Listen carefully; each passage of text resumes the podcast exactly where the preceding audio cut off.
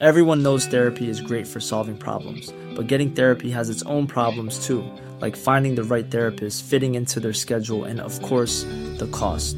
Well, BetterHelp can solve those problems. It's totally online and built around your schedule. It's surprisingly affordable too.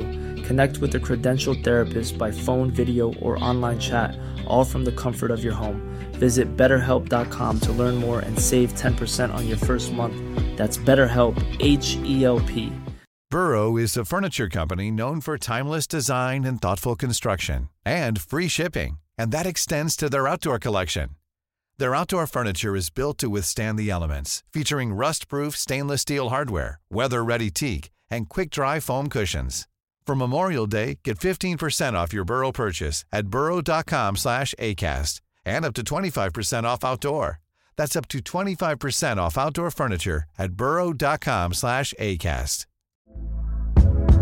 Hey there, it's Michelle Norris. I'm host of a podcast called Your Mama's Kitchen. When I travel, I'm usually looking for a way to find a taste of home when I'm not at home. And one of the things I love to do when I am at home is entertain. And Airbnb allows me to do that. When I was in California recently, I rented a house that had a great kitchen. And when we were sitting around the table, we we're all thinking, we're in someone else's house. Someone could be in all of our homes as well. If you have a home, but you're not always at home, you have an Airbnb. Your home might be worth more than you think. Find out how much at airbnb.com/slash host.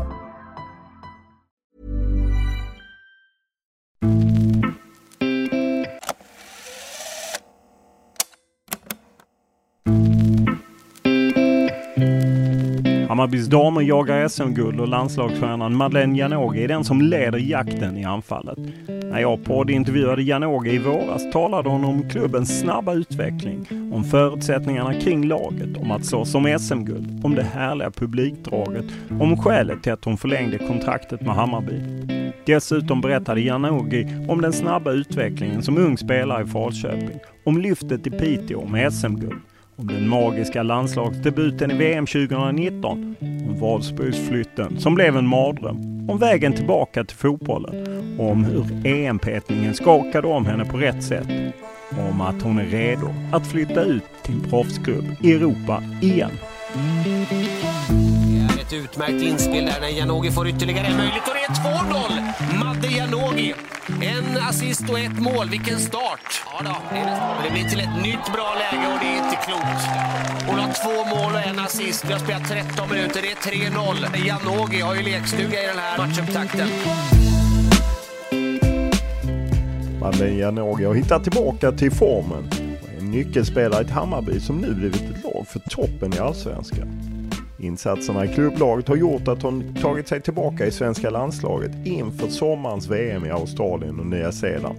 I podden berättar Janogy om hur petningen från EM-truppen förra sommaren blev en tändvätska hon behövde. I, efter EM-petningen där så då var det som att Alltså det kändes som att det var det bästa som kunde hända mig. Eh, jag var väldigt mycket skadad på vårsäsongen. Jag blev petad. Det var otroligt tufft men fick ta tag i liksom eh, mina skador. Jag, jag kom tillbaka på hösten och fick vara skadefri. Jag hade veckor som jag kunde träna upp mig och eh, tog mig tillbaka på ett fantastiskt sätt liksom och känner en annan trygghet nu liksom. Och vi talar om Hammarbys utveckling som gått från att vara nykomling när Janogy kom till klubben till att nu vara med och utmana om titlar och där det väntar en cupfinal i början av juni. Det har gått otroligt fort. Eh, jag kom ju när de kom upp och då pratar man ju ambitioner och eh, den här resan liksom och jag har fått vara med på den här resan nu och någonting som slår mig är att det har gått så himla fort. Så det är otroligt kul att man fått vara med på den här resan. Vi pratar givetvis också om Janogis tunga tid i Wolfsburg där hon bröt kontraktet på grund av psykisk ohälsa. Och om varför hon nu, trots den upplevelsen, gärna går utomlands igen. Och det kan jag ju känna nu att så här, eh, det är klart att när jag väl ska utomlands att de tankarna kommer dyka upp. Att så här, ja men gud, eh, kommer jag klara det här? Är, är det här rätt för mig liksom? Men kan ändå landa i att så här, det var, hade jag gått till Wolfsburg en annan tid så tror jag inte att det, det hade ju inte hänt utan det blev, det blev, jag gick i en fel, fel period i livet liksom.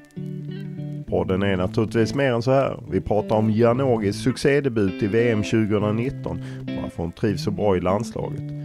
Och vi talar om varför hon valde att nobba utländska bud i vintras för att stanna i Hammarby. Om hennes tidiga karriär i Falköping där hon trots att hon började med fotboll sent fick A-lagsdebutera redan som 15-åring. Och så talar vi om vad som krävs för att Sverige ska ta en mästerskapsmedalj igen. Men som vanligt börjar vi podden med en faktaruta.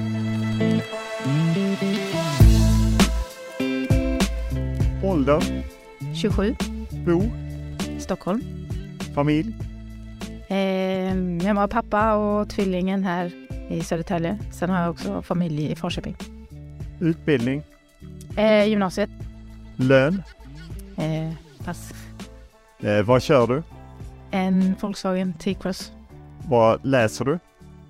Eh, ingenting för tillfället. Vad tittar du på?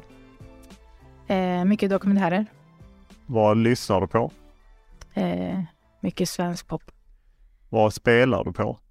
Eh, inte så mycket faktiskt. Vilket är ditt favoritlag och varför? Ehm, ja, förutom Bayern då så, eh, så hejar jag på Liverpool. Eh, alltid tyckt att de spelar rolig fotboll. Eh, vad klassar du som den största fotbollsmerit du har? Det finaste du vunnit? Ja, men det måste ju vara VM och OS-medaljerna. Vem, för, vem är för dig världens bästa fotbollsspelare? Ehm, ja, men där ehm, har jag alltid sagt Marta. Eh, så det blir mitt svar. Vilken är den eh, bästa tröja du bytt till dig? Ehm, jag har faktiskt inte bytt till mig så många tröjor. Vilken regel hade du velat ändra på i fotboll? Um, oj, svår. Alltså det handsregeln är ju väldigt oklar. Så att, eh, den lägger man ju mycket fokus på. Så kanske man kan ändra den så den blir lite tydligare. Vad hör du mest på planen när de vill psyka dig? Oj. Eh, jag vet faktiskt inte. Ingenting jag, som jag kan komma på liksom. Eh, nej, inget bra svar. Vad är den eh, häftigaste upplevelse du har haft i fotbollssammanhang? Ehm, nej, men jag skulle säga att det var... Eh, men VM är ju väldigt starkt. Ehm, och, VM 2019 i Frankrike. ja, men precis. Det var också liksom starten på, liksom, eller genombrottet till min karriär. Så det ligger mig väldigt varmt om hjärtat. Liksom. Eh, vem är den bästa spelare du antingen spelat med eller mött på planen? Oj, det finns många. Ehm, ja, men jag tycker så här, Kosse, Fridd och Seger. Det finns många spelare som jag tycker är otroligt skickliga. Eh, vad har du tränat mest på i din karriär för att vässa? Eh, eh, alltså mycket liksom dribbla och ta sig förbi har jag gjort mest skulle jag säga. När du ser andra spelare, vad kan du bli avundsjuk på som du gärna hade haft? Ehm, ja men nu när jag ändå blivit eh, eh, mycket snabbare så skulle jag vilja bli ännu mer snabb. Ska jag säga.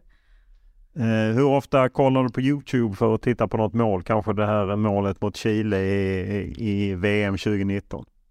Eh, ja men direkt efter så kollade man ju mycket på det liksom eh, med familj och framförallt pappa som var otroligt stolt. Liksom. Nu var det länge sedan jag kollade på det.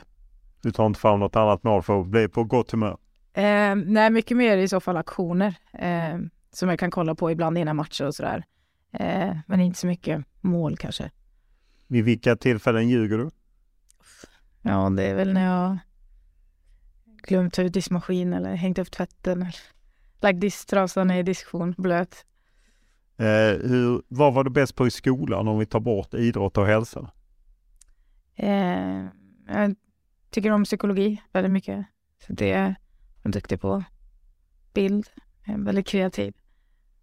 Vilken är din favoritfilm? Oj. Jag vet inte. Film, serie har ju Prison Break. Eh, så som är Anarchy tycker jag är bra. Film vet jag inte riktigt. Om du vill lyxa till det, vad unnar du dig då? Eh, jag älskar nougat. Choklad. Så det blir väl en chokladbit kanske. Eh, när grät du senast? Oj, jag gråter ofta. Ja, förra veckan någon gång kanske.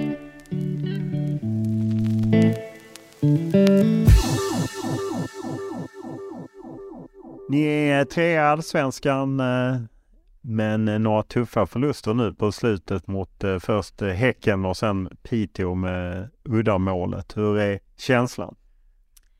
Eh, ja, men så här, dagen efter förlust är såklart tufft, men samtidigt så försöker jag ändå liksom eh, ja, men tänka positivt och vi har, vi har börjat se den på ett eh, bra sätt.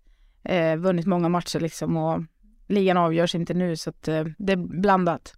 Vad är det som eh, fäller avgörandet i så tajta förluster? Alltså, jag skulle säga att det handlar mycket om att vi, vi kommer inte upp i nivå. Eh, och eh, det är det som är så roligt med den här ligan. Alltså det är otroligt tuffa och, och jämna matcher liksom och det handlar om varje vecka liksom spela på högsta nivån. Eh, och där skulle jag säga att det, det är tajt och vi kommer inte upp eh, på maxnivå och då är, det, då är det tufft. Det är ju så att du kom till nykomling för dryga två år sedan. Du är inne på tredje säsongen. Hur upplever du att Hammarby har utvecklat? Eh, men det har gått otroligt fort. Eh, jag kom ju när de kom upp eh, och då pratar man ju ambitioner och eh, den här resan liksom. Och jag har fått vara med på den här resan nu och någonting som slår mig är att det har gått så himla fort. Eh, eh, så det är otroligt kul att man fått vara med på den här resan liksom och, och mm, kul att se liksom att Hammarby gör rätt saker liksom. Eh. Vad är det, vad är det konkret som sker som har blivit utvecklat? Men jag tror att det dels att man lägger, alltså jämfört med för två år sedan så finns det mycket mer resurser och det, vi har tagit in, liksom, vi har ett sätt att spela på och man tar in spelare som passar i det här spelsystemet och man vill spela på det sättet. Och det är mycket fans och det är mycket som händer runt, runt matcher och man jobbar verkligen kring matcherna också på ett sätt som gör att folk vill komma hit. Eh, och de har ju verkligen, verkligen lyckats få hit spelare. Det är svårt att få hit eh, få spelare till Sverige liksom och, och det har man verkligen lyckats på ett bra sätt som också passar sättet som vi vill spela på liksom. Eh, och det skulle jag säga är en liksom, ja, men väldigt viktig del i, i den här framgången. Liksom att det är ett tydligt spelsätt liksom, och då, rätt, då är det viktigt att få in rätt spelare. Hur tycker du att ni har utvecklat spelmässigt sen uh, ni var nykomlingar och hängde kvar och hela tiden tagit kliv till denna säsong när ni är topplag och klart för cupfinal? Mm. Ja men det är ju det. När jag kom hit så var det väldigt tydligt hur, hur man ville spela liksom. Och där har man ju verkligen, man har inte ändrat på någonting. Eh, eller börjat tveka utan det har varit en tydlig bild på hur vi vill spela liksom. Och det tycker jag vi har tagit stora kliv. Första året så där var det ju säkert många som tvekade och, och sådär. Men när jag kom så var det väldigt, eh, jag vill pratade mycket med Pablo om att det var så tydligt liksom att så här ska vi spela oavsett om vi är nykomlingar och i vårt sätt att spela så krävs det väldigt mycket individuellt av, i alla positioner. Och eh, det har man inte, liksom inte ändrat på. Och det, det märker man ju nu så här, tre år senare att det har verkligen gett effekt. Liksom, att vi har fått in många nya spelare, många bra spelare som kommer in i det. Det blir tydligt eh, och alla vet vad man ska göra. Liksom. Eh, så det är en otrolig utveckling från första året. Hur har ditt eget spel utvecklats? Eh, ja, men nu har jag spelat på eh, olika positioner. Eh, men skulle ändå säga att jag, nu spelar jag mer som nia, eller har gjort eh, senare tid liksom och eh, har fått utveckla, liksom, nu är jag lite mer djupledsgående än vad jag varit tidigare. Eh, jag har ofta velat ha boll på fötter och liksom komma rättvänd och driva medan nu blir det lite mer liksom springa i djupet och kanske skapa ytor åt andra och, och hålla mig i boxen liksom. Så det är någonting jag har utvecklat. Eh, Samtidigt som jag också, eh, ja men kanske som förra matchen nu mot Peter så spelade tiade och få utrymme och ja men dribbla och eh, använda min fart så att jag har utvecklat andra delar. Hur eh, känner du kring poängproduktionen?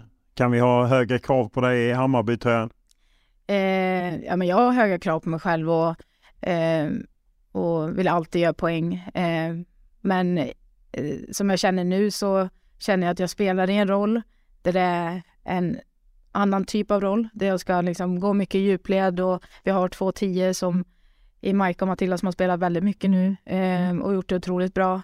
Eh, och ge utrymme för dem att få ytor och kunna utmana och göra det de är bra på liksom. och så länge vi tar poäng och, och vinner matcher så eh, ja, men så är jag nöjd liksom. Sen är det klart att jag har höga, höga krav på mig själv och vill vara med och göra så mycket poäng jag kan liksom. Och, eh, men det är ingenting jag stressar över utan jag känner mig, jag känner mig i väldigt bra form liksom.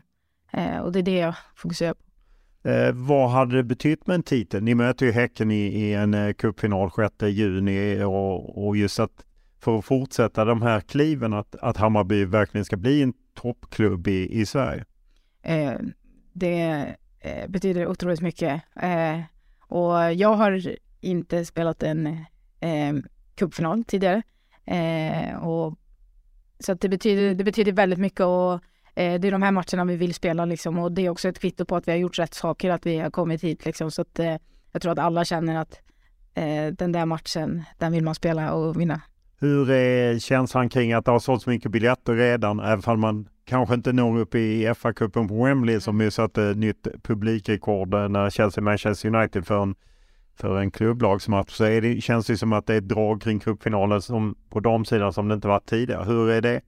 Ja men eh, otroligt kul. Det var ju många, var det, 10 000 eller 5 000 biljetter som såldes direkt liksom och jag tror att det kommer, vi kommer slå ett publikrekord som betyder också mycket för svensk damfotboll. Liksom. Och, eh, jag har ju spelat matcher nu på, på Tele2 där det har varit, ja men det var 18 000 första året liksom. Och, eh, det är liksom matcher man kommer, man kommer aldrig glömma de matcherna för det blir en sån otrolig stämning eh, med fansen liksom och de hörs och eh, det var 18 000 men det hördes otroligt mycket och eh, så det, det är ju också det bidrar ju så himla mycket till den här matchen, liksom att få så mycket publik.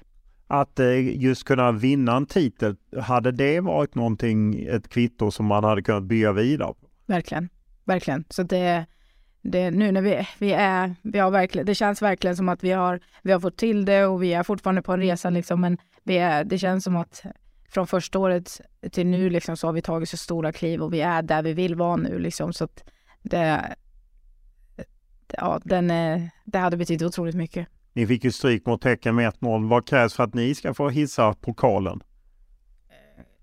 Att våga spela vårt spel eh, hela vägen. Det känns som att vi, vi blir lite, lite försiktiga liksom. Och, Vad beror det på? Men jag tror att det, alltså i vårt sätt att spela så krävs det väldigt mycket i, i liksom varje position och alla är så otroligt viktiga och Eh, jag tror att känslan nu förra matchen också att det blir lite, om inte ligger lite, eh, ligger lite fel eller att de gör första målet, att man blir kanske lite stressad liksom. Och mm, inte gör det eh, helt hundra liksom och då blir det svårt i vårt sätt att spela. Eh, så att, eh, oavsett hur det går eller, eller oavsett hur matchbilden ser ut, att, att liksom våga ha det tålamodet och lita på att spela spelet så kommer det komma till slut och inte börja göra någonting som vi inte är bra på. Eh, Hammarby har ju ett väldigt drag kring sin damverksamhet också. Eh, och på något sätt många verkar... Man kan ju lätt bli avundsjuk gissar om man spelar andra klubbar. Hur är det att vara en del av det på insidan i Hammarby? Nej men det... Det är väldigt fint liksom och jag kommer från, med, innan jag kom till Bayern så jag hade aldrig bott i en storstad. Eh, spelade liksom Piteå, Malbacken, Wolfsburg och så komma hit och det blir på ett helt annat sätt liksom. Och, men, som jag sagt tidigare, så många matcher liksom. Man, när man kommer ut och det, det är så mycket fans liksom. Och det är svårt att beskriva känslan liksom. Borta, vi kom ihåg Vittsjö borta förra året liksom. Hur mycket folk som helst som kommer och stöttar oss liksom. Och bara när man går ut där på på uppvärmningen och ser det. Liksom. Det är svårt att beskriva den känslan. Eh, att liksom, man är inte ensam utan det är så många som är med oss. Liksom. Vad är det Hammarby gör rätt eh, när man får det här draget? Alltså, jag tror att eh, ja, men dels på här sidan har vi väldigt mycket publik och har alltid haft det. Sen har vi ju våra fans, liksom, de jobbar ju så otroligt mycket eh, eh, på damsidan med, med just liksom publiken och, vår, och fansen liksom att eh, det ligger ett hårt arbete kring liksom eh, publiken som kommer. Eh, och det, kom, det, det, sker inte, det sker inte automatiskt utan man måste jobba, jobba för det liksom. Och där har vi ju de som jobbar kring liksom det. De lägger ner ett otroligt jobb.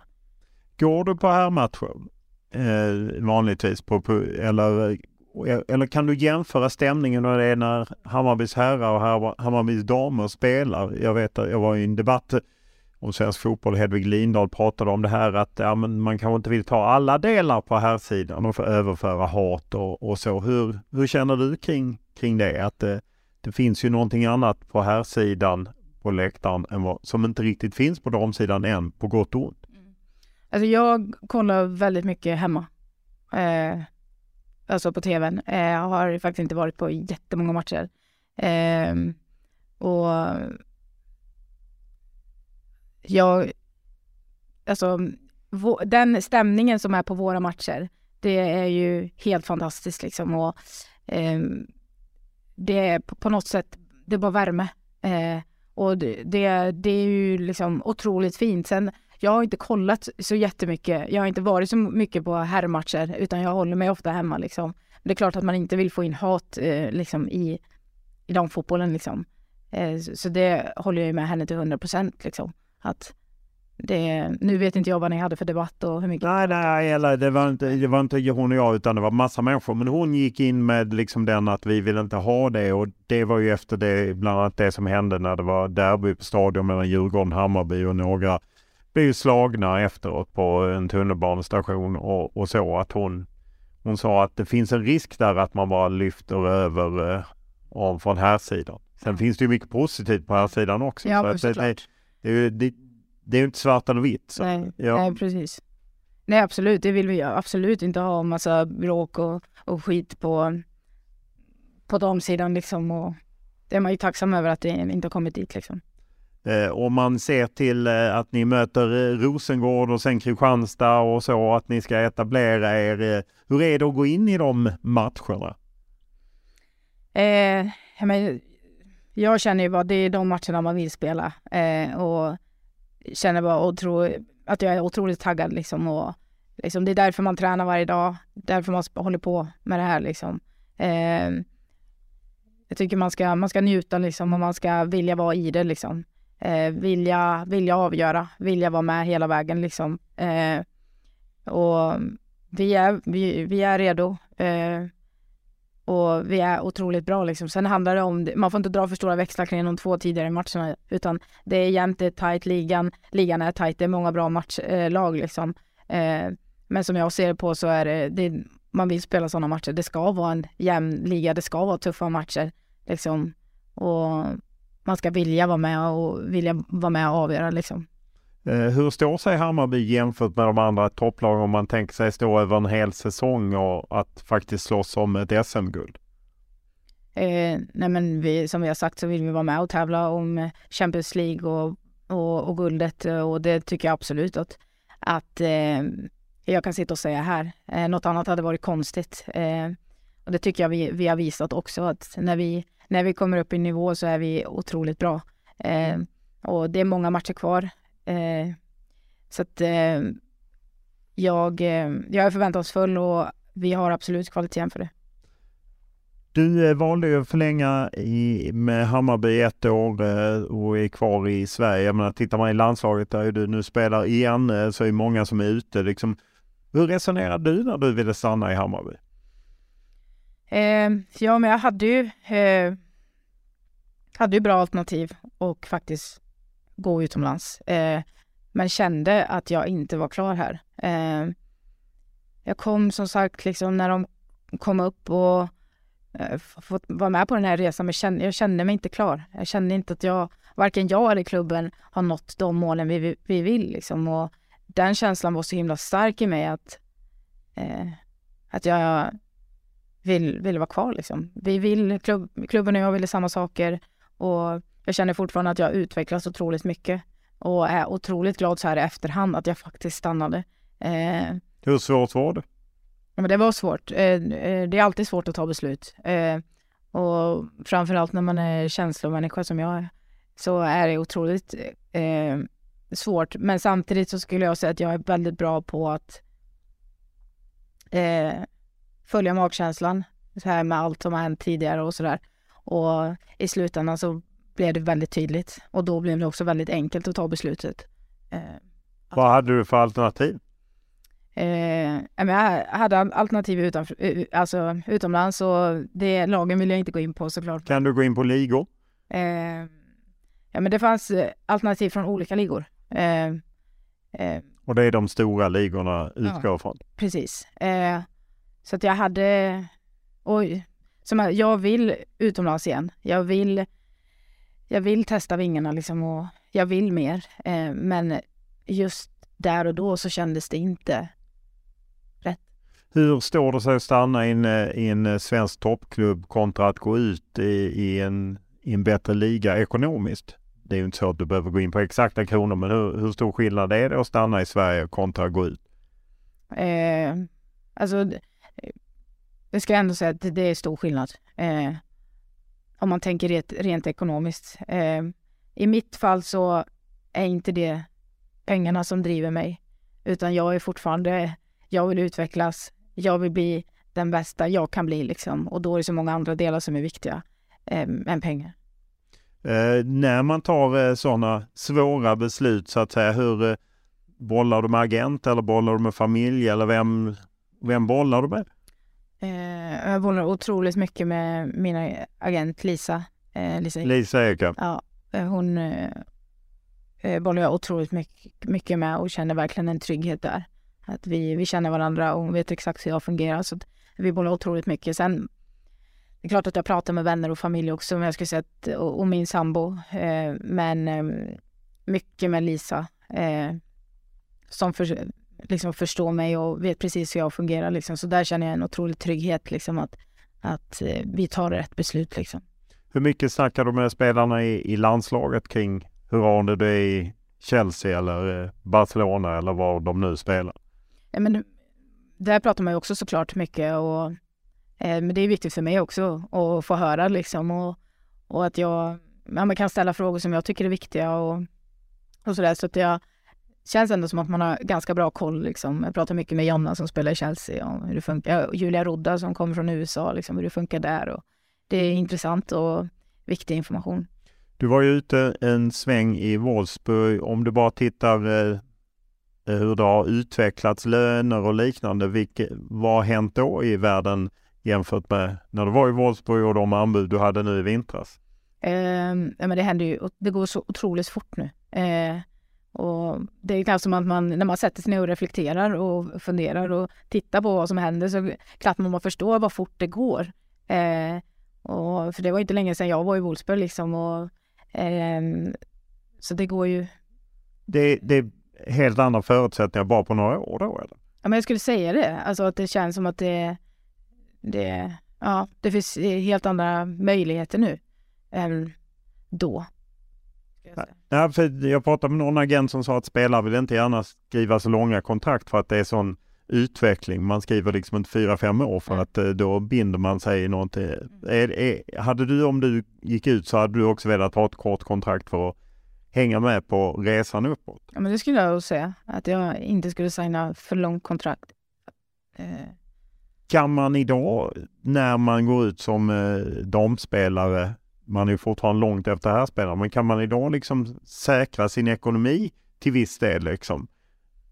Det tror jag absolut att man kan och eh, framförallt de här äh, yngre spelare som kommer upp nu liksom eh, så finns det ju helt andra förutsättningar och helt andra pengar liksom. Så att, eh, eh och det har inte, det kommer ju bara fortsätta liksom. Eh, och det har gått så här fort nu. Titta bara om några år liksom vart, hur, det, hur det kommer att se ut då. Hur märker man av detta i allsvenskan? Vad sa du? Hur märker ni av det i allsvenskan? Är det, är, är det samma utveckling där eller hänger inte svenska klubbar riktigt med? Ja men allsvenskan har, och nu har inte jag stenkoll på hur det ser ut i andra klubbar och sådär. Eh, inte jätte liksom insatt så men det känns ju eh, som att liksom genomsnittet i allsvenskan också höjs liksom. Sen är det klart att det kanske inte går att jämföra med de största klubbarna eller stora ligorna ute i Europa och sådär men det känns ju verkligen som att det, att det blir bättre. Liksom. Du har ju spelat tidigare i Piteå. Nu spelar du i en klubb som är en sån här liksom dubbelklubb kan man ju säga som börjar bli vanligare både ute i Europa men även i Sverige. Vi har Häcken och Malmö FF är på väg uppåt och det finns Djurgården och, och så. Hur skulle du säga skillnaden är att tillhöra en klubb som har en stark herrverksamhet och att man blir en del av det kontra att spela i kanske mer renodlad damklubb eller där Malbacken exempelvis och så. Mm. Finns det för och nackdelar?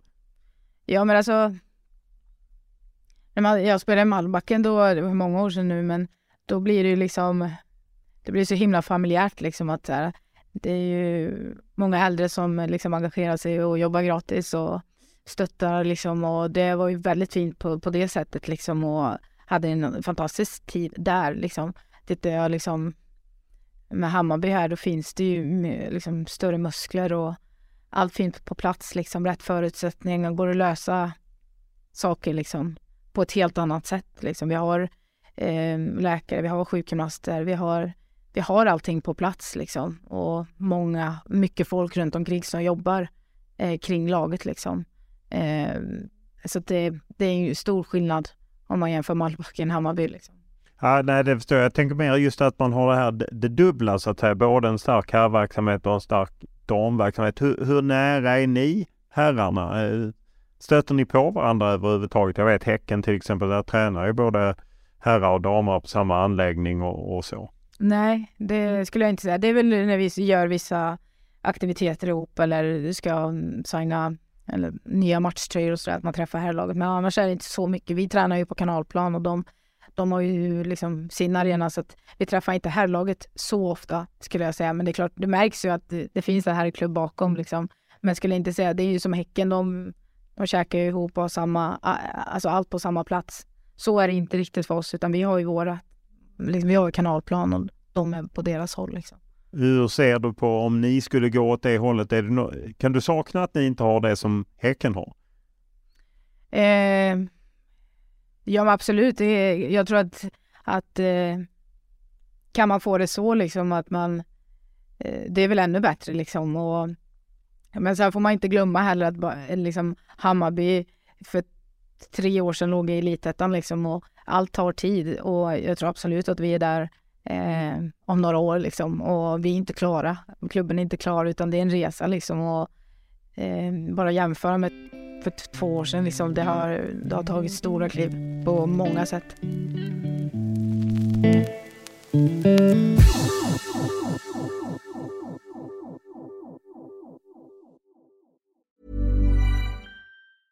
Hey, I'm Ryan Reynolds. Recently, I asked Mint Mobile's legal team if big wireless companies are allowed to raise prices due to inflation. They said yes. And then when I asked if raising prices technically violates those onerous two-year contracts, they said, "What the f*** are you talking about? You insane Hollywood ass."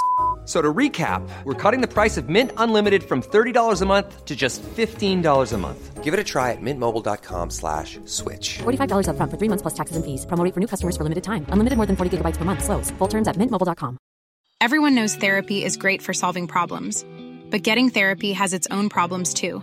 Like finding the right therapist, fitting into their schedule, and of course, the cost. Well, BetterHelp can solve those problems. It's totally online and built around your schedule. It's surprisingly affordable too. Connect with a credentialed therapist by phone, video, or online chat, all from the comfort of your home. Visit betterhelp.com to learn more and save 10% on your first month. That's BetterHelp H E L P. Millions of people have lost weight with personalized plans from Noom, like Evan, who can't stand salads and still lost 50 pounds. Salads, generally, for most people, are the easy button, right? For me, that wasn't an option. I never really was a salad guy. That's just not who I am. But Noom worked for me. Get your personalized plan today at Noom.com. Real Noom user compensated to provide their story. In four weeks, the typical Noom user can expect to lose one to two pounds per week. Individual results may vary.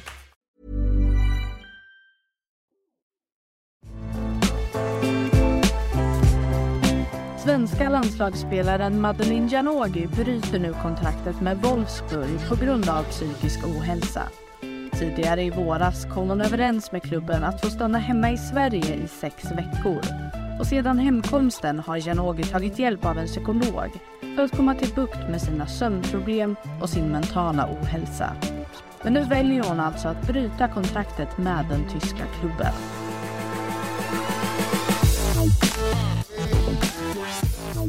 Du var ju utomlands en sväng där du sen var väldigt öppen med att du ja, inte trivdes, psykisk ohälsa, sömnbrist och så. Hur har du med lite distans bearbetat hela den delen? Eh, ja, men som jag sagt tidigare så är jag otroligt glad att jag, att jag tog det beslutet eh, och att eh, idag kunna sitta här och säga att jag mår eh, så otroligt bra i mig själv och vet hur jag fungerar, vet hur jag ska hantera saker och eh, lärt mig så otroligt mycket som eh, ja, men kommer att vara viktigt för framtiden men också som är otroligt viktigt för, för min fotboll idag. Eh, och så i efterhand så är jag otroligt glad och stolt över att jag tog, att jag vågade ta det beslutet. Eh, och faktiskt liksom fejsa mina problem och, och ta hjälp. Eh, för förr eller senare så hade det skett ändå liksom. Hur var det där och då när du skulle på något sätt backa hemåt? Alltså, det var ju otroligt tufft. Eh, men jag skulle inte det tuffaste var där och då så var jag inte så orolig över vad folk skulle tycka och tänka och, och sådär. Eh, för det vet jag att många, det är därför det är tabubelagt och folk vågar inte liksom berätta. Eh, jag tror att jag var så mentalt dränerad att den tanken fanns inte utan eh, det var ju, jag ville ju bara, jag ville ju bara hem liksom och det här med att ta hjälp och så, det var inte heller jobbigt på ett sätt för att det fanns ingen annan utväg liksom, utan jag ville ju bara, jag ville ju bara må bra. Eh, jag ville bara liksom, när det, när det kommer till den punkten att eh, jag inte ville spela fotboll längre, då vet man ju att det, då är det någonting som är fel liksom. Och eh, då fanns det ingen utväg liksom. Och, eh, så det var en otroligt tuff tid. Men eh, så här i efterhand så, så är jag så otroligt stolt. Eh, för att jag hade aldrig varit där jag är idag om jag inte hade gått igenom det. Hur mycket pratar man om det i omklädningsrummet oavsett om det är landslaget eller Hammarby eller Piteå där du också var hemma en sväng innan du gick till Hammarby? Mm. Alltså om den situationen, det kan ju dyka upp ibland och sådär och att jag kan nämna det ibland eh, i vissa sammanhang liksom. Men mycket, mycket mer att man kanske pratar om eh, eller att jag tar upp liksom ifall det är någon som mår dåligt eller att någonting har hänt, att jag alltid kan utgå ifrån eller pra, prata om hur det var för mig. Liksom att det kommer ofta upp det här känslor och tankar och eh, man har svårt att sova eller eh, dålig motivation så kan jag alltid då återkommer jag alltid till Wolfsburg-tiden och att jag kan hjälpa dem med min historia och hur jag kände att jag känner igen mig i dem och att liksom, de kan känna igen sig i mig. Eh, så mycket, mycket på det sättet skulle jag säga att det, det tas upp liksom. Men inte bara att man kanske pratar så mycket om just den situationen. Hur rustad var Wolfsburg för att hantera att en spelare inte mådde bra? Eh, otroligt bra. Eh, det, de kunde inte sköta det på ett bättre sätt. Eh, utan jag var också nu så här i efterhand när man reflekterat så är jag så otroligt tacksam och glad över att de tog det på, på allvar och de eh, hjälpte mig och det fanns, inget, det fanns liksom inga tveksamheter. Eh, utan det var bara liksom eh, det viktigaste är att må bra liksom. Och vi vill bara att du ska eh, göra det som du mår bra av liksom. Och nu talar du öppen om att, öppet om att du vill ut igen. Hur, hur känns det? Ja, men jag, eh, jag vill... Så här, eh, att jag åkte till Wolfsburg, det var ju fel tid i, i min karriär. Eh, och att, att åka utomlands, det var inte det som var det största problemet för mig. Eh, sen fick jag en dålig erfarenhet på grund av att det var dålig tid, men jag har ju alltid haft målet jag vill och dröm om att spela utomlands. Eh, och, och, det kan jag ju känna nu att så här, eh, det är klart att när jag väl ska utomlands att de tankarna kommer dyka upp. Att så här, ja men gud, eh, kommer jag klara det här? Är, är det här rätt för mig liksom? Men kan ändå landa i att så här, det var, hade jag gått till Wolfsberg en annan tid så tror jag inte att det, det hade ju inte hänt utan det blev det blev, jag gick i en fel, fel period i livet liksom. Hade du kunnat få samma känslor och samma eh, psykiska ohälsa om du hade stannat i en svensk klubb? Ja, det tror jag. Eh, det tror jag. Det var ju liksom inte att jag, när jag åkte till Wolfsburg, då var det ju, det var ju då tryggheten och allt som kanske höll mig liksom på fötterna. Det försvann ju och då blev det ju liksom, det var ju inte så att det var eh, problemfritt innan liksom, utan det fanns ju mycket grejer som var tufft redan innan och sen kastas ju ut på det sättet liksom. Då blev det ju automatiskt att jag var tvungen att göra någonting. Eh, och det är det jag menar med att det är det, det, positiva i det, att jag faktiskt var tvungen att ta tag i det. Frågan är, hade jag tagit tag i det om jag hade spelat i en svensk klubb? Nej, kanske inte, men då hade det kanske skett idag då, när jag är 27. Eh, så att det hade hänt hade det nog gjort. Hur eh, rädd är du att det kanske liksom finns i bakgrunden om klubbar utifrån ja men ska vi ta Madeleine Janogy eller inte med tanke på senast hon var ute utanför Sverige så hade hon tufft.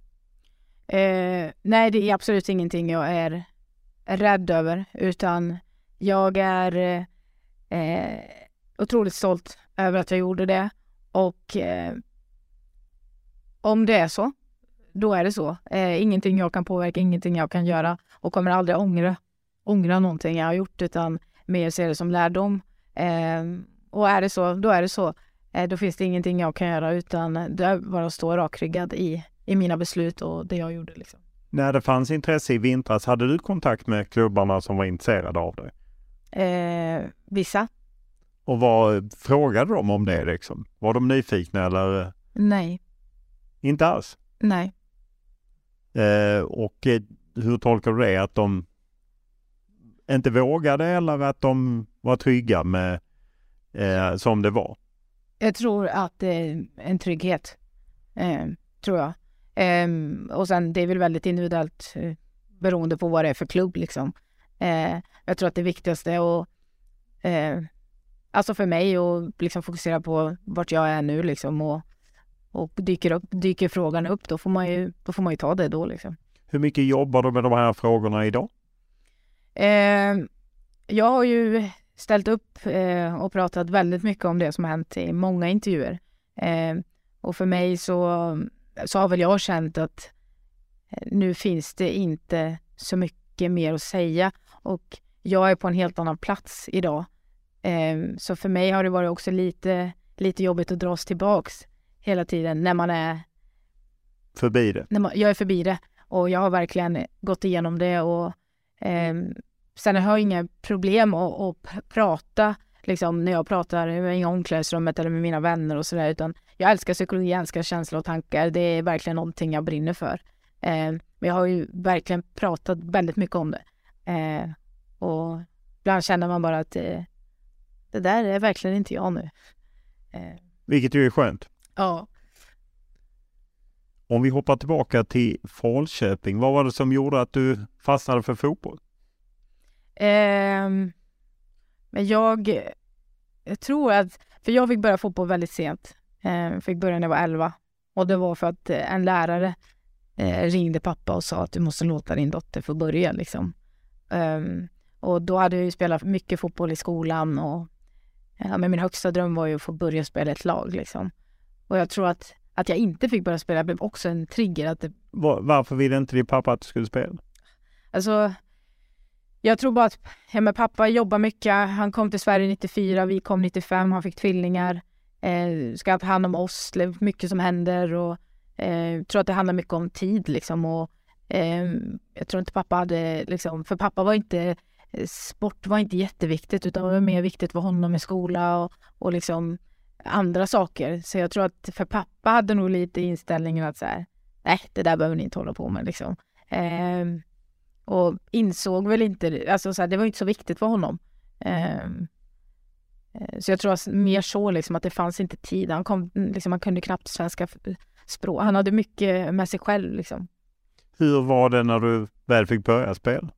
Ja, det, jag kommer aldrig glömma första dagen eh, jag fick spela.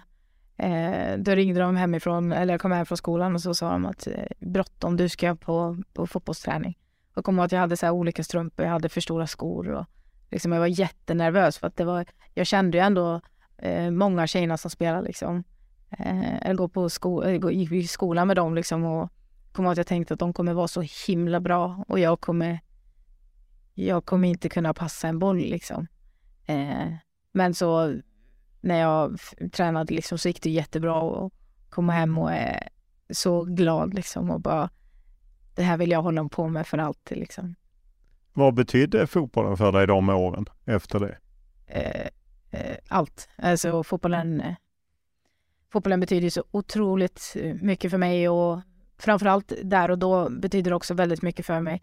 Eh, av olika anledningar och eh, jag har alltid sagt det, fotbollen har ju verkligen räddat mig eh, på många sätt. Och, Hur då? Eh, ja men eh, det finns mycket som jag kanske inte vill sitta och prata om här liksom. Men det blev ett annat fokus för mig som jag verkligen, det var någonting jag älskade och liksom jag fick träna tre gånger i veckan, komma och träffa, åka och träffa mina vänner och, och få göra det jag älskar liksom och komma, eh, ja, men, lägga fokus på annat liksom som var ja, men, otroligt viktigt för mig. Och du gör A-lagsdebut redan som 15-åring. Hur, hur är det? Ja, det, det var också otroligt stort. Och, men det var som, jag bodde med pappa, han hade ju ingen koll på fotboll och eh, jag hade, alltså jag, jag spelade ju bara fotboll för att det var kul. Liksom där och då, det är klart att jag hade drömmar och mål och sådär men eh, alltså för mig handlade det bara om att jag älskar att vinna, jag älskar att tävla, jag älskar att vinna. Och eh, hade jag fått bestämma hade jag velat ha träning varje dag liksom. Och sen så helt plötsligt så skulle jag vara med i A-laget liksom. Och jag tror inte ens att jag förstod där och då att jag skulle vara med i A-laget. Inte pappa heller utan så här, man pratade inte. Det var inte så här äh, att man firade eller wow vad stort utan det var bara, pappa är ju också lite så här, ähm, kommer hem och gör fem mål och så bara fast du kunde ju gjort tre till. Liksom. Han har aldrig varit så insatt så det har varit en ganska avslappnad stämning hemma liksom kring fotbollen. Eh, och eh, du spelar ju flera år och sen tar klivet till Mallbacken. Eh, när började du liksom inse att ja, men jag, jag har någonting eh, som räcker till på fotbollsplanen? Ja, det ska jag säga när jag kommer till Piteå och får Stellan som jag pratade om tidigare. Eh, han fick ju mig verkligen att inse att jag var otroligt duktig. Vad var det Stellan gjorde? allt. Nej, men han... Eh, men som jag, jag, jag tror jag sagt det tidigare, att här, första veckan när jag kommer till Peter så hade han skrivit så lappar till alla typ i laget liksom och på min lapp så står det du kan bli eh, ja men bättre än Marta, du kan bli bäst i världen. Eller vad det stod på den liksom och jobba otroligt mycket med mig och, eh, och mitt självförtroende och verkligen få mig att förstå att du är otroligt duktig och liksom jobba inte bara, såklart han jobbar med mig otroligt mycket fotbollsmässigt men också liksom jag kommer ihåg, jag tyckte inte om, jag tycker inte om intervjuer. Det var det, jag kommer ihåg i Peter, var, jag var så nervös och det var det värsta jag visste. Och vad skulle jag säga, vad skulle jag göra liksom och stressa upp mig liksom och eh, att det fanns liksom en trygghet där och, eh, och... Vad, vad, vad gjordes det? det? Det är väl Stellan Karlsson? Mm. Eh, vad gjorde han för att övertyga dig att flytta dit? Det är ju ändå om man tänker med Falköping, Västgötaslätten, sen Malmbacken i Värmland och sen hela vägen upp till Piteå. Vad, hur sålde han in det?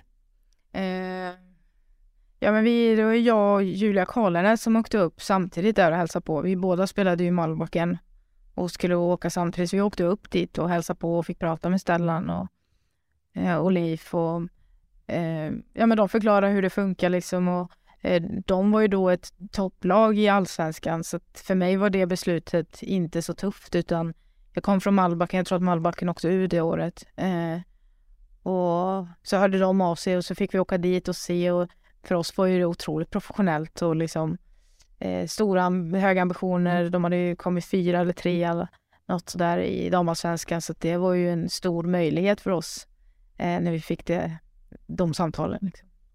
Eh, vad var den största omställningen att, att flytta dit och, och satsa på fotboll?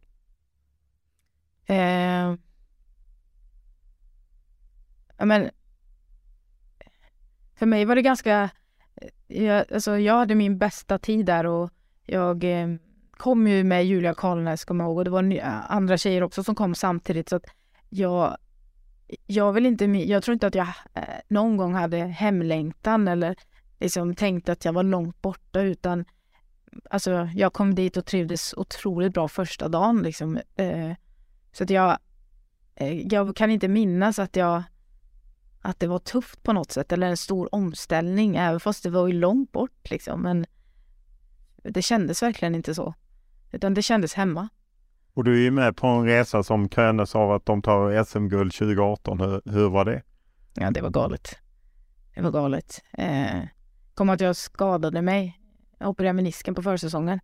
Ehm, kom precis tillbaks innan ligan startade liksom. Och då kommer jag ihåg att jag kom tillbaks in i träning och kände vil vilket tempo. Att jag typ inte hängde med i tempot för att det var så bra. Och att jag kände redan då liksom att vi kommer vara så himla bra eh, i år liksom. Och mycket som hände det året och mycket skador. Eh, och på något sätt bara vi kom ihop liksom och ja, tog det här guldet. Ja, och det är ju rätt otroligt för att eh, jag menar, det har ju varit en del större klubbar längre söderöver som ofta dominerat och i perioder vunnit eh, SM-guld och så går ni in och, och snor det. Eh, vad tror du nyckeln var? Eh, jag tror att eh, eh, gemenskapen i laget det året var helt otroligt och du vet man vill springa för varann. Det, det var många matcher vi gör 1-0 och så stänger vi ner matchen liksom och man springer tills man är helt slut. Eh, och att det blir... Det var väldigt tydligt eh, hur man ville spela och hur vi är väldigt bra på att stänga matcher. Eh, många 1-0, 2-1 matcher liksom och bara stänger ner matcherna och jobbar för varann. Eh, den sammanhållningen det året var otrolig. Eh, efter Wolfsburg gick du väl tillbaka en kort period till Piteå. Hur kom det sig att du inte stannade där eller liksom blev kvar där med tanke på, ja, mm. det verkar ju ha varit en väldigt positiv mm. tid. Mm. Eh, ja men det var, jag hade, då bodde min tvilling och pappa i Södertälje eh, och min sambo i Stockholm.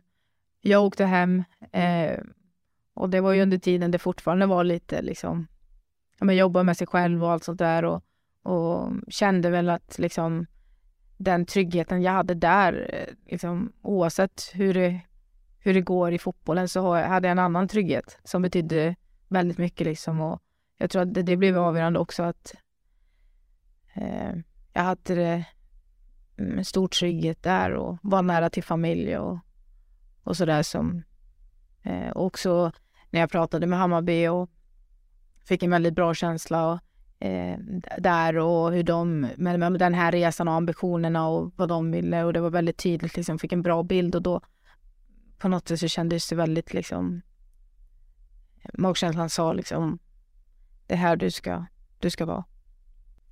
Vet du vad som sker eh, den 13 juni? Uttagning. Det är uttagning. Peter Gerhardsson presenterar truppen till VM i Australien, Nya Zeeland. Hur går dina känslor kring en sån dag? Eh, nej, men eh, det ska bli... Eh, det, jag har spelat ett VM och det är absolut att jag har ambitionerna att vara med i ett mästerskap. Och, så att, eh, ja, som jag sa innan, så är det, det är mycket matcher. Jag jag njuter verkligen av att spela fotboll liksom, så jag känner att jag är på en bra plats. Eh, och eh, ja, det ska bli skitkul. Det är klart att man kommer vara nervös, eh, men eh, bara liksom eh, förväntansfull. Du, har ju, du var inte med i EM förra sommaren. Därefter var tillbaka i landslaget, gjorde två mål mot Kina i våras och var med senast samlingen eh, Norge-Danmark-mötena. Vad, vad talar för att du är en av dem som blev uttagna? Men jag känner att eh, i, efter EM-petningen där så då var det som att Alltså det kändes som att det var det bästa som kunde hända mig. Eh, jag var väldigt mycket skadad på vårsäsongen. Jag blev petad. Det var otroligt tufft men fick ta tag i liksom eh, mina skador. Jag, jag kom tillbaka på hösten och fick vara skadefri. Jag hade veckor som jag kunde träna upp mig och eh, tog mig tillbaka på ett fantastiskt sätt liksom och känner en annan trygghet nu liksom. Eh, kommit i form. Eh, men känns som att jag har, jag har hittat rätt liksom. Eh, och det är väl den känslan som jag, eh, som jag utgår ifrån. Liksom. Att, hur, hur lång tid tog det från uttagningen när du inte blev uttagen till att du kände att det här var egentligen vad jag behövde?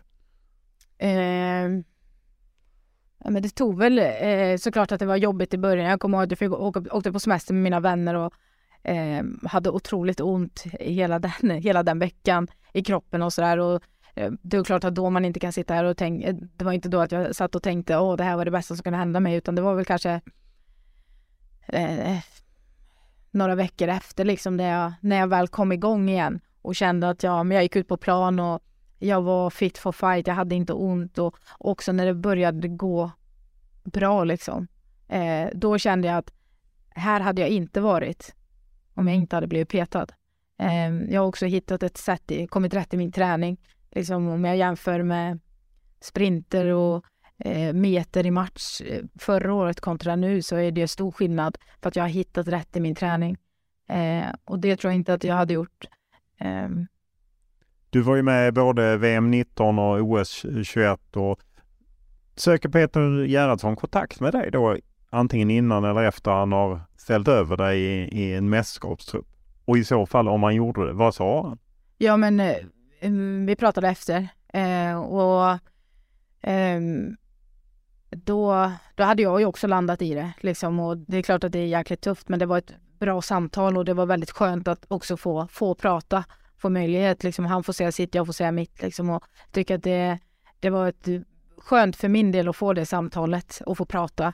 Eh, och i mitt fall så känner jag, liksom, som jag sa där och då också, att så här, jag kan ju inte, beslutet är taget, jag kan inte påverka det. Eh, det jag kan påverka nu, det är vad jag gör med det här. Eh, så det var skönt att liksom på något sätt sluta, alltså slu, få liksom ett avslut på det och kunna fokusera på, på det jag kan påverka. Eh, så för mig var det väldigt skönt att få det samtalet och det var ett bra samtal och det blev som ett avslut och nu måste jag liksom, jag får bryta ihop komma igen och bara fokusera på det. Lämnade han dörren öppen för liksom tiden efter EM? Du finns i mina tankar, jag menar det, det kommer kval och det kommer VM och så. Eh, ja men eller snacket var ju mer liksom, det är som man sa också, det är jämnt. Vissa lämnas utanför, vissa är på gränsen liksom. Så det var ju snarare att jag kände också att så här, nu ska, jag, nu ska jag göra allt, jag ska hitta rätt och jag ska ta mig tillbaks liksom. Och känslan, är, känslan där var ju inte att nu, nu kommer jag aldrig komma med igen. Utan känslan var ju snarare att nu, nu ska jag se till att jobba hårt liksom och få vara skadefri för att när jag är skadefri, då vet jag att jag ska vara där. Hur var det att följa EM från sidan? Om du gjorde det? Ja, det gjorde jag. Ehm, och som jag sa innan, jag kollar matcherna och man vet ju aldrig hur man reagerar eh, i en sån situation när man blir petad. Liksom. Vissa har jättesvårt och, och jag visste inte hur jag skulle reagera men jag kunde kolla matcherna och, och jag har ju många av mina nära vänner där också liksom, som jag stöttar så att jag, jag jag kollade matcherna och följde mästerskapet och kunde acceptera att jag är inte med, jag är inte uttagen. Eh, och acceptera den känslan. Och, inte liksom, och det var väldigt skönt för, för egen del. Alltså att så här, ja, men, du är inte med nu liksom. Men du får fokusera på det du kan påverka. Och det, det kändes verkligen som att jag hade ett lugn i det liksom, och kunde kolla matcherna och heja liksom, utan att det blev för jobbigt ta oss tillbaka till fyra år 2019 i juni. Chile väntar och du sitter på bänken, hoppar in och ja, på något sätt du är ju inblandad både i förspelet till Aslanis 1-0 och sen smäller in 2-0. Hur, hur, hur, var det? Du, du kom ju lite ändå som ett oskrivet kort då in i, i landslaget. Mm. Ja, alltså det jag kommer ihåg den match, i den matchen var bara att eh, jag ville bara hoppa in. Ville bara att de skulle säga Madde, du ska in nu. Inga, jag tänkte inte ens på att det var mitt eh, debutmål eller det, fanns... ja, det var din första tävlingsmatch ja, som du hoppade in i? Ja, jag tänkte, det fanns inte en tanke utan bara jag, det var som, ja men vilken landslagsmatch som helst liksom, utan jag vill in, sätta in mig. Så kommer jag ihåg att det började regna och matchen avbröts. Och jag blir, nej, nej, nej. jag vill in i den här matchen. För att jag kände bara liksom när man sitter på sidan och man ser dem att så här, men jag kommer, jag kommer hitta där, jag kommer hitta där, jag kommer kunna göra det här liksom. Och så får jag komma in och bara, det sprutar liksom energi i hela kroppen. Och ja, sen så får jag bollen, dribblar, får till ett eh, skott liksom och där och då kände jag också, för mig var det ju liksom, det var ett mål och det var ju skitstort, men jag tänkte ju inte att det var mitt första mästerskapsmål, utan det var ju när jag fick frågor efter han bara, ja men just det, det var det ju. Eh, utan jag kommer ihåg bara att jag var, jag ville så himla gärna bara komma in. Hur, hur var reaktionerna runt omkring? Jag menar, jag gissar att eh, nära och kära hörde av sig, men även du fick ju ett medialt genomslag i och med att eh, matchen sänds eh, på tv och ja, det blev ett drag kring mm. dig. Mm. Ja, verkligen. Eh, jag kommer ihåg, ja, men, min syrra, min tvilling och pappa, de fick videos liksom när oss, pappa typ grina här liksom.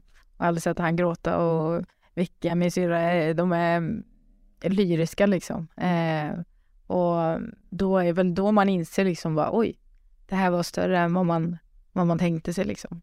Eh, du pratade innan om att du tyckte det var jobbigt med uppmärksamhet i intervjuer och så. Hur, hur var det att plötsligt bli, du blev ju plötsligt väldigt efterfrågad mm. från att ha varit lite av en mm. joker i mm. truppen. Mm. Ja men det, var, det blev ju liksom, då kastades man bara in i det liksom.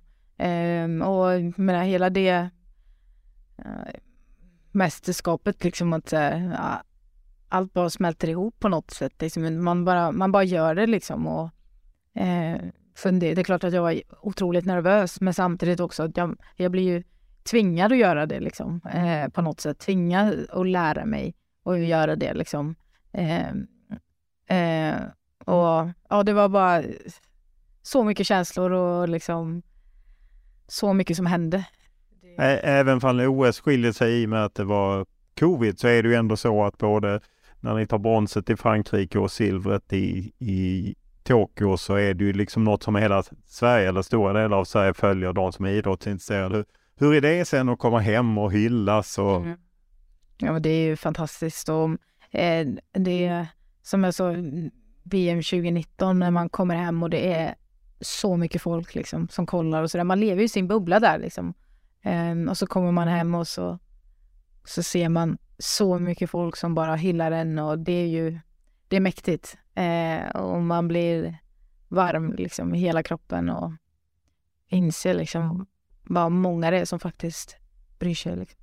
Vad skulle du säga är, är nycklar för att lyckas, även om inte tog guld, eh, jag menar straffmässigt med seger och, och det som var i OS 2021 vet ju alla, men vad är det ändå som gör att Sverige lyckas och tar medalj i, i två mästerskap? Vad är, vad är nycklarna där för att man får en landslagstrupp att funka? Mm. Men dels vi har otroligt duktiga spelare eh, på alla positioner. Men sen också att eh, sättet man jobbar med liksom eh, ledarstaben och, och ehm, eh, liksom stämningen i gruppen. Det, jag kommer ihåg när jag kom med första gången att man var ju otroligt nervös och hur kommer det här vara? Man kommer spela, träna med världsstjärnor liksom. Så bara kommer man in och så är man en i gänget liksom. Alla är välkomnande och alla liksom pushar en till att bli bättre och eh, det är liksom en miljö där det är mycket konkurrens och elva ska starta och men det, det, man upplever inte det liksom utan alla är otroligt liksom välkomnande och stöttar varandra och det är väldigt tydligt hur vi vill, hur vi vill spela och eh, det, det märks så himla tydligt om man kollar matcher på tv, liksom att så här, det här är ett lag. Liksom. Och det tror jag är en stor nyckel till framgång, att eh, vi verkligen är ett lag och har en sån fantastisk liksom, sammanhållning tillsammans med bra ledarstab och otroligt bra spelare. Vad betyder Peter Gerhardsson och Magnus Wikman som ju är förbundskapten och assisterande förbundskapten? Jättemycket och tycker verkligen att de de har ju verkligen hittat rätt eh, och jobbar på ett eh, ja, men fantastiskt sätt. Och det här med stämningen, liksom, det är ju någonting de har byggt upp och någonting de vill ha och de vill se liksom, och så de vill jobba. Liksom, och det har de ju verkligen fått till på ett fantastiskt sätt. Eh, eh, för det var verkligen någonting som jag tänkte på. Jag fick så mycket mer smak när jag hade fått vara med. Jag blev inkallad som reserv första lägret och bara, gud vad jag vill göra det här igen liksom. Eh, och då är det första gången mycket nervositet liksom. Men det bara liksom försvann när man kom in i den bubblan liksom, för att alla var så... i VM i, i Nya Zeeland är det ju främst som gäller för Sverige, även om det blir en åttondels i final. I Australien så har man ju eh, Sydafrika, Italien, Argentina. Vad, vad talar för att Sverige ganska enkelt tar den gruppen? Nej, men vi, dels att vi har, vi har mästerskapsrutin och vi vet vad som krävs. Eh, och eh, många bra spelare. Liksom. Vi har spelat många mästerskap och vi vet, vi vet vad som krävs för att vinna matcher. Liksom. Alla matcher är tuffa, så det, på pappret spelar ingen roll vilka vi möter. Liksom. Och där tycker jag vi är väldigt bra på, oavsett om det står Tyskland eller Italien eller så vet vi att vi måste gå ut och maxprestera och göra det tillsammans. Och, eh, det ska jag säga talar för oss. Liksom. Det är ju lite risa om man inte vinner gruppen. Då är det troligtvis USA i en åttondelsfinal. Jag antar att du har koll på det. Det är USA och Nederländerna i den gruppen så att säga. Och även Nederländerna kan ju vara tufft även för Sverige hanterade okej okay i gruppspelet i EM senast. Men hur gärna vill man undvika USA i en åttondelsfinal? Alltså, eh, som jag har sagt tidigare så tycker jag att det, det är ingenting som i alla fall jag fokuserar på. Ehm, jag tror inte att man ska alla matcher i en åttondel är otroligt tuffa liksom. Utan mer fokusera på oss liksom. Ehm, och inte liksom börja fokusera på men det här, det, det här laget får, vill vi inte möta, det här laget vill vi möta. Utan vi är ett otroligt bra lag som är rankat trea i världen liksom. Och fokusera på det, fokusera på att göra bra matcher. eh, och ta med den känslan i en åttondelsfinal. Snarare än att fokusera på vem som kan stå på andra sidan. Ja, men precis. Eh, ett stort frågetecken är ju faktiskt Caroline Seger som ju här sedan nästan gick av under EM och sen spelar hon knappt så spelat lite grann och sen nu skadad i landslaget igen. Vad skulle det betyda om Sverige åker till Australien Nya Zeeland utan henne? Ja, Seger är otroligt viktig. Eh, och jag hoppas verkligen, verkligen att, att det går fort, och att hon eh, eh liksom snart är tillbaks. Eh, eh, för det, det, är inget snack om sak att seger betyder otroligt mycket eh, för landslaget på så många sätt. Eh, riktig ledare eh, och en sån trygghet att ha. Eh, så det hade ju såklart varit otroligt tufft liksom. så bara hoppas att, att hon återhämtar sig. Är det ens möjligt att tänka sig att någon kan fylla det tomrummet? För man har ju förstått att hon är en ledare också. Peter Gerhardsson säger att hon är otroligt viktig på träningar och liknande. Och, mm. och sen gör hon ju då naturligtvis en insats på plan också mm. som spelare. Vad, mm. går det att tänka sig att någon kan fylla det tomrummet? Alltså den ledarskapen som hon har, den är ju... Eh, jag kommer ihåg nu senast, eh, man var i Kina, det läget mot Kina liksom. Och man, man har seger på plan, liksom på träning. Det, det är sån trygghet liksom och det, alltså, det är ju seger liksom. Eh, men sen så finns det ju såklart, vi har, alltså, det är viktigt också att liksom, man får inte tänka för mycket, för mycket på det eller så liksom. Det finns många bra spelare, men det är ju, och, som kan axla den rollen och göra det bra såklart. Eh, men sen är det ju inget snack om saken att det är ett stort tapp liksom. Sverige har ju inte vunnit något guld eh, sedan 84 och då var det ju enda EM-guldet och enda mästerskapsguldet som Sverige på damsidan tagit. En rad finaler, jag menar du har ju spelat, eller du har ju varit med när ni har spelat final i OS och semifinal i, i VM och det är ju finaler och semifinal. Varför klarar inte Sverige ta det där sista klivet? Eh, men det är, fotboll är små, små marginaler och det var ju ja, men kunde man se i OS liksom att eh, det är små marginaler och det är fotboll. Eh, sen så vet vi att vi klarar av det där. Eh, det gör vi verkligen eh, och det, ja, det är alltså små marginaler. Det är svårt att säga och för det kände jag i OS liksom att då kändes det verkligen som att alltså hela det mästerskapet, det kändes bara, ja, nu är det, nu är det dags liksom. Eh, sen är det små marginaler som avgör. Och det, ja, jag vet inte. Det är vad, vad talar för att det blir ett guld i, i sommar? Jag menar att vi har, vi har spelat många liksom, matcher, kniv, kniven mot strupen, där det krävs mycket liksom, och också få känna på och ha sett liksom. Eh, och då vi åker på förlust och tar ett silver eller ett brons liksom. Och den erfarenheten har vi och eh, jag tror att det blir en nyckel och, eh, och tala för oss liksom i, i, i VM att vi vet vad som krävs. Eh, vi vet vad vi, vad vi ska göra liksom. Och den erfarenheten här tror jag är otroligt viktig. Stort tack för att du ställde upp.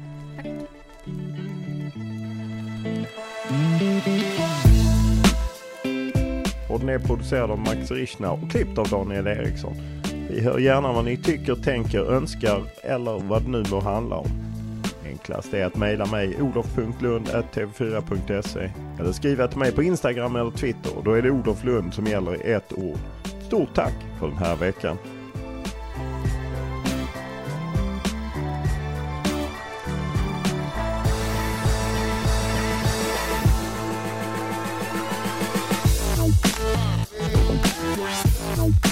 Thank you.